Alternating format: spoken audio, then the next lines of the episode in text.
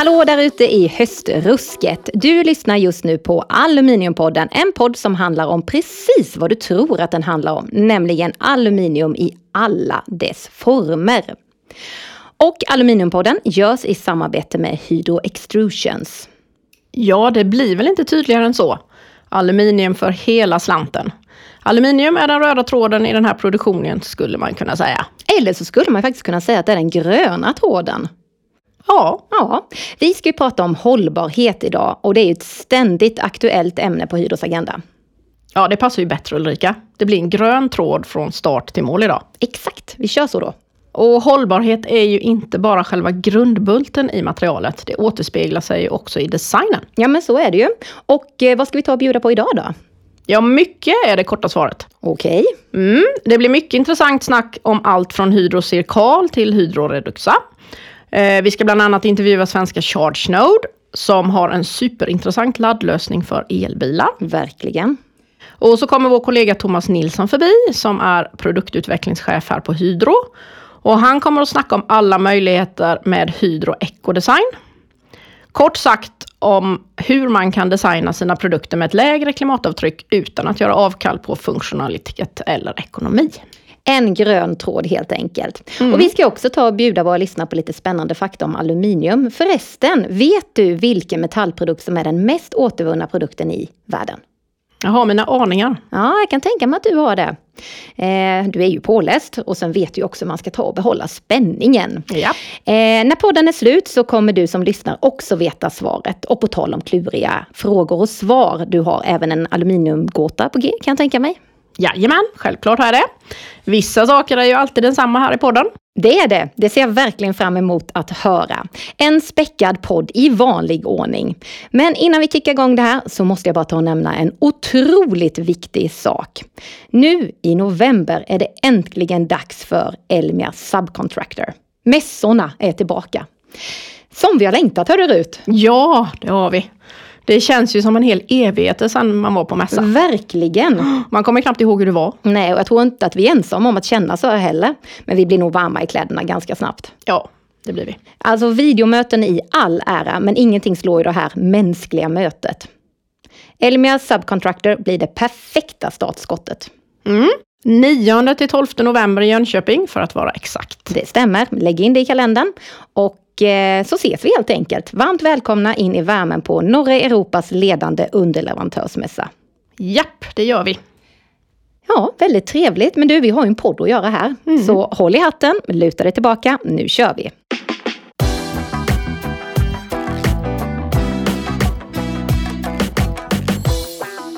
Vi kickar igång det här avsnittet med att prata om Hydro Ecodesign. Vad är det? Varför är det bra? Och hur fungerar det? Ja, man hör ju det lite på namnet. Ekologiskt och ekonomiskt hållbar design. Men det är inte jag eller du som ska svara på de här frågorna. Till vår hjälp har vi vår kollega Thomas Nilsson som är produktutvecklingschef på Hydro Extrusions. Visst har vi det och han är med oss här idag i studion. Varmt välkommen till Aluminiumpodden Thomas. Tack så mycket Ulrika. Vi tänkte prata lite om Hydro Ecodesign med dig idag och vi alla vet ju att du är expert på det här området. Kan inte du ta och berätta lite kort för lyssnarna vad Hydro Ecodesign är för någonting? Hydro Ecodesign är en samling principer, regler och checklistor med syftet att skapa en så hållbar produkt som möjligt. Okej, Som exempel kan jag ta upp det här, det är inte krångligt, det är naturliga grejer och det, det är inte, allt egentligen inte nytt för hållbarhet och eh, ekonomi som Rut nämnde. Det har vi ju sysslat med i alla tider. absolut. Eh, Det handlar om att se över sina egna rutiner i sin produktion och i transporter för att minimera energiförbrukning och resursförbrukning. Och så handlar det om att spara vikt.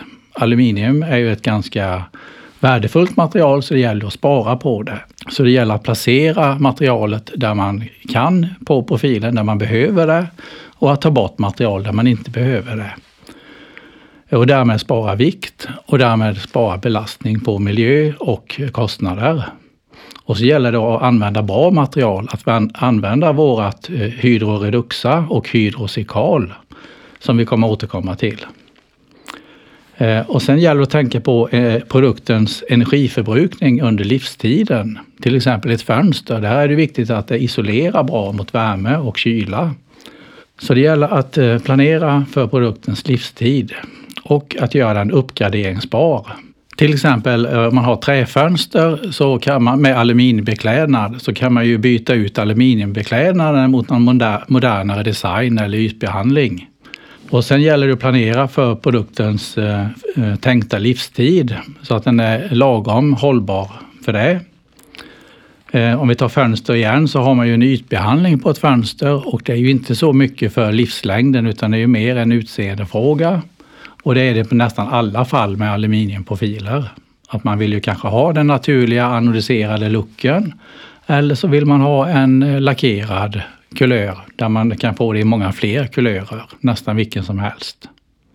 Sen är det viktigt att man på sin produkt eh, anger information om hur den ska användas och hur den kan uppgraderas och eh, vad det är för legering så att när den har nått sin eh, livslängd och är färdigförbrukad då måste den kunna återvinnas och då ska den sorteras med så lika legeringar som möjligt. Helst exakt samma legering.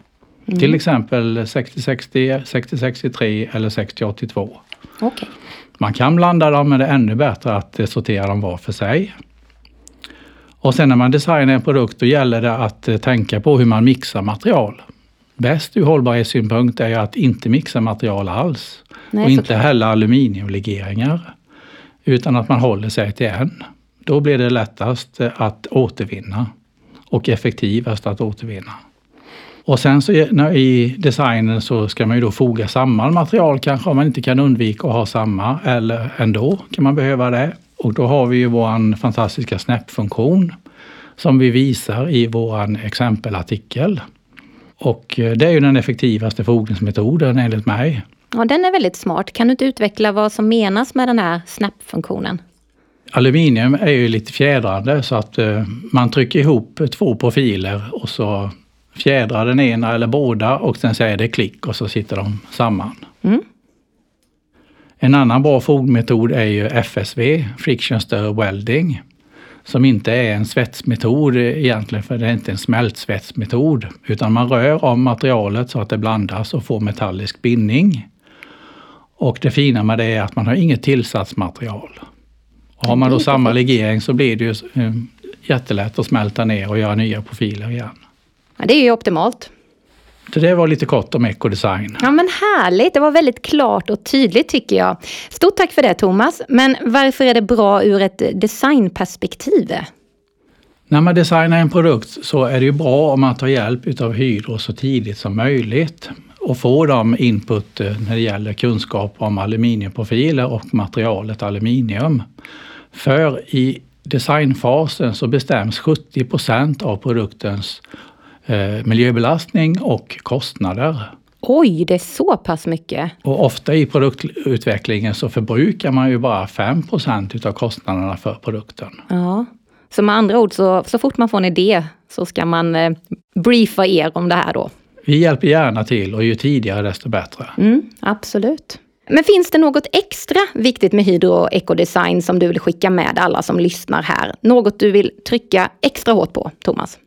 Ja, det är två saker mm, som perfekt. är de allra viktigaste. Och det, nummer ett, det är att välja rätt material.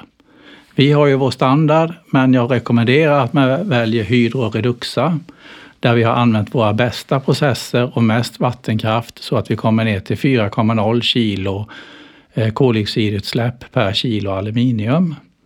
Eller ännu hellre hydrosikal mm där vi har mer än 75 procent återvunnet eh, post consumer scrap, alltså från användarledet. Produkter som har nått sin slutliga livslängd har återvunnits i detta material och då har man 2,3 kilo koldioxidekvivalenter per kilo aluminium.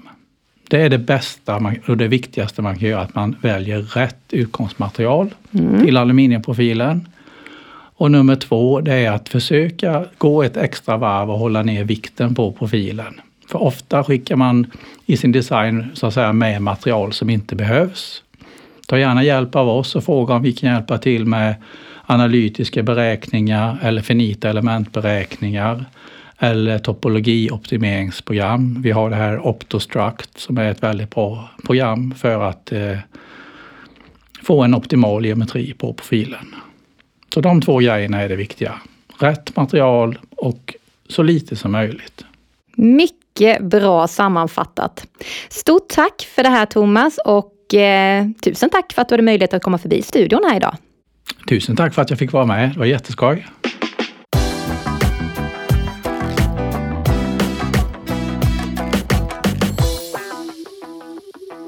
Vi har ju som sagt en grön tråd här idag och jag tycker att vi fortsätter på det här hållbara spåret. Från Hydro Ecodesign är ju inte steget långt till Hydrosekal och Hydro Reduxa. Och det är ju två enastående produktsegment som vi har pratat om ganska mycket här i podden tidigare.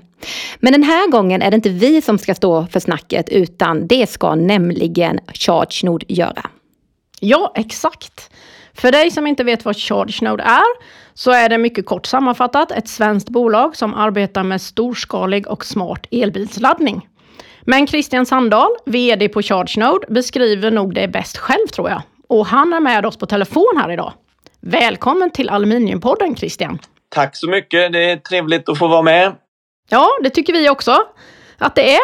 Eh, jag nämnde precis för lyssnarna att ni arbetar med smart laddning för elbilar där klimatsmart aluminium från Hydro spelar en central roll. Kan du kort berätta lite om dig själv och ert företag, men även om er laddteknik och vad som gör den så smart?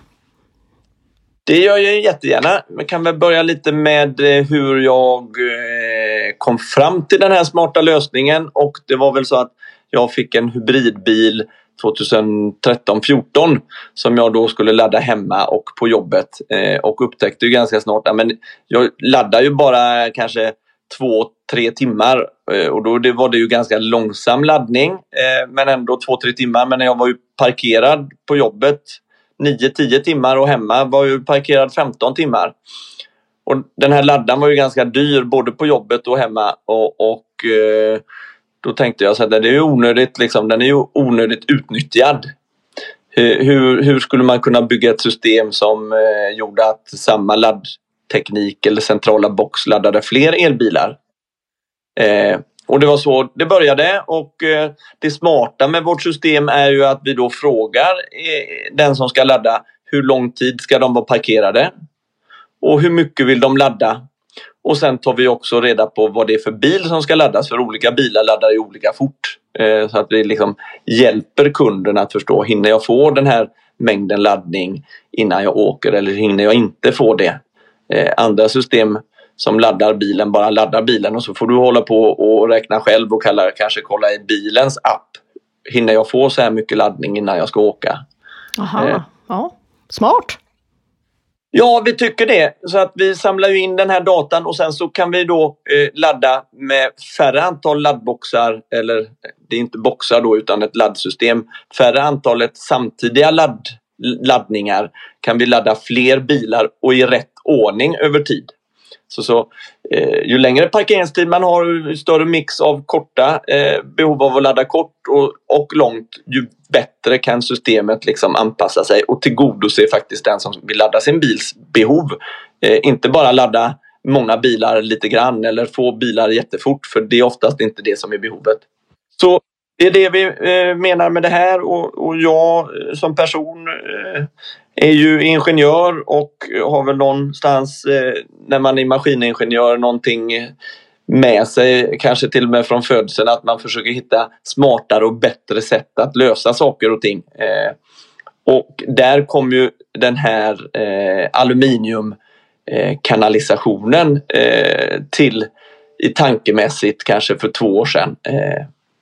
Och eh, då blev det en viktig del av det här konceptet också för att när du då centraliserar den här laddtekniken så kan du bara dra ut kablar till varje parkeringsplats istället för att ha en laddbox på varje parkeringsplats. Eh, och när man då drar ut då bygger man ju på el, el, elektrikerspråk, man bygger ett stjärnnät så från varje parkeringsplats till den centrala laddenheten så går det en kabel. Då blir det lite mer kablar men man får, kan överföra mycket mer kapacitet. Man kan ladda mycket fortare. Eh, då behöver man ju lägga de här kablarna i någonting eh, och många andra gräver ju ner kablarna. Och då tyckte vi att nej men varför ska man gräva ner, med en grävskopa gräva ner kablar i rör? Eh, inomhus finns det ju fönsterbänkskanaler men det finns ingen eh, fönsterbänkskanal för utomhusbruk, alltså en laddkanal där vi kan lägga både kablar och kontakter eh, i.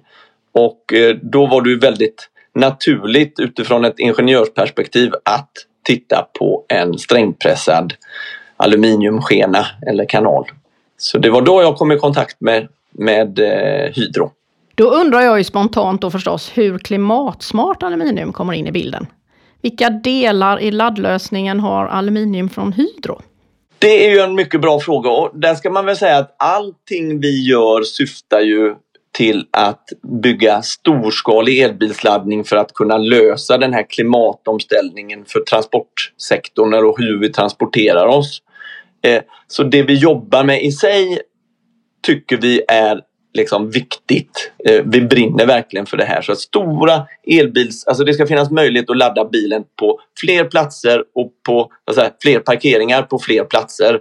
Och det behöver hålla över tid. Och det är ju en del i det här att vårt laddsystem kanske håller i 15-20 år.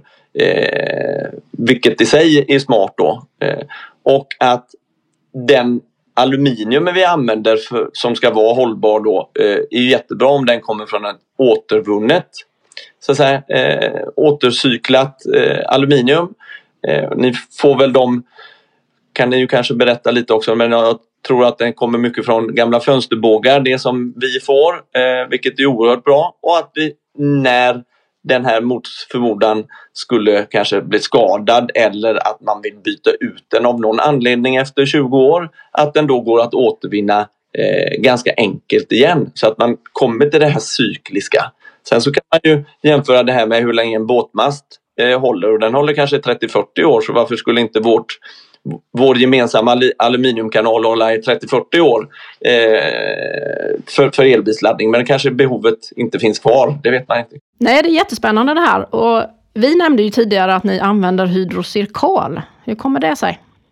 Ja, men när man då tittar på aluminium som sådant som ett återvinningsbart material och eh, när vi har pratat med era tekniker så är det så att då har ni det här cirkal som då har ja, jag tror, utan att komma ihåg exakt, 80% återvunnet eh, aluminium i sig och med ett kol, eller så är det koldioxidavtrycket som är 80% lägre eller 90 eller något sånt här. Och det blir ett helt naturligt val och sen när priset för det här dessutom inte är avskräckande mycket högre än så att för så här, nyproducerad aluminium, då är det här så att det är, det är inte ett så att säga, det är inte ett svårt val. Den är något dyrare eller marginellt dyrare och avsevärt mycket bättre eh, för miljön.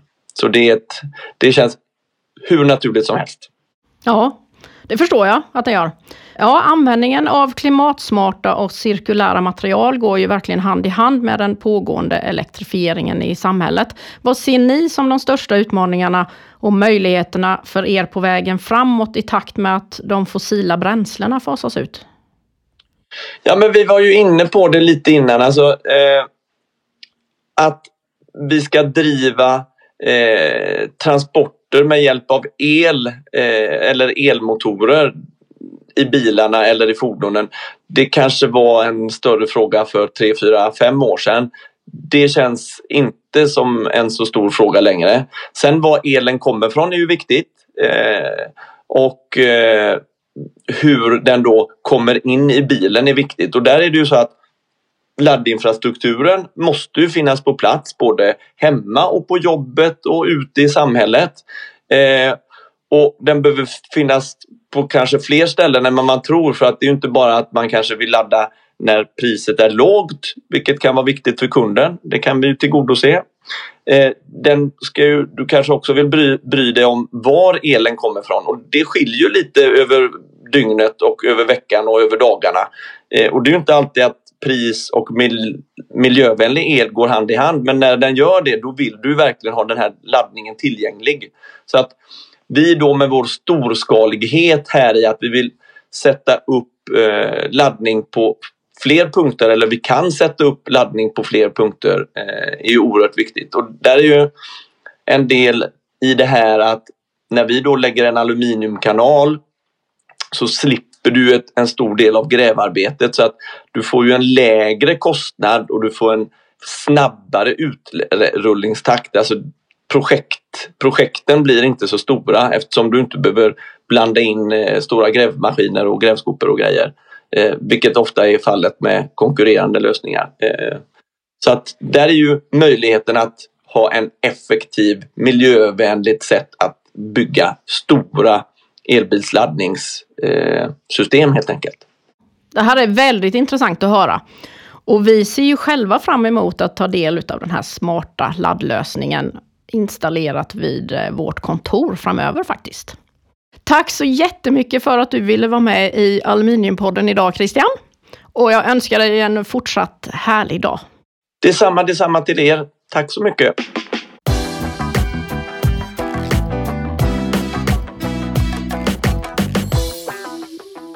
Vi stannar kvar lite vid elbilar eh, ett tag till tycker jag.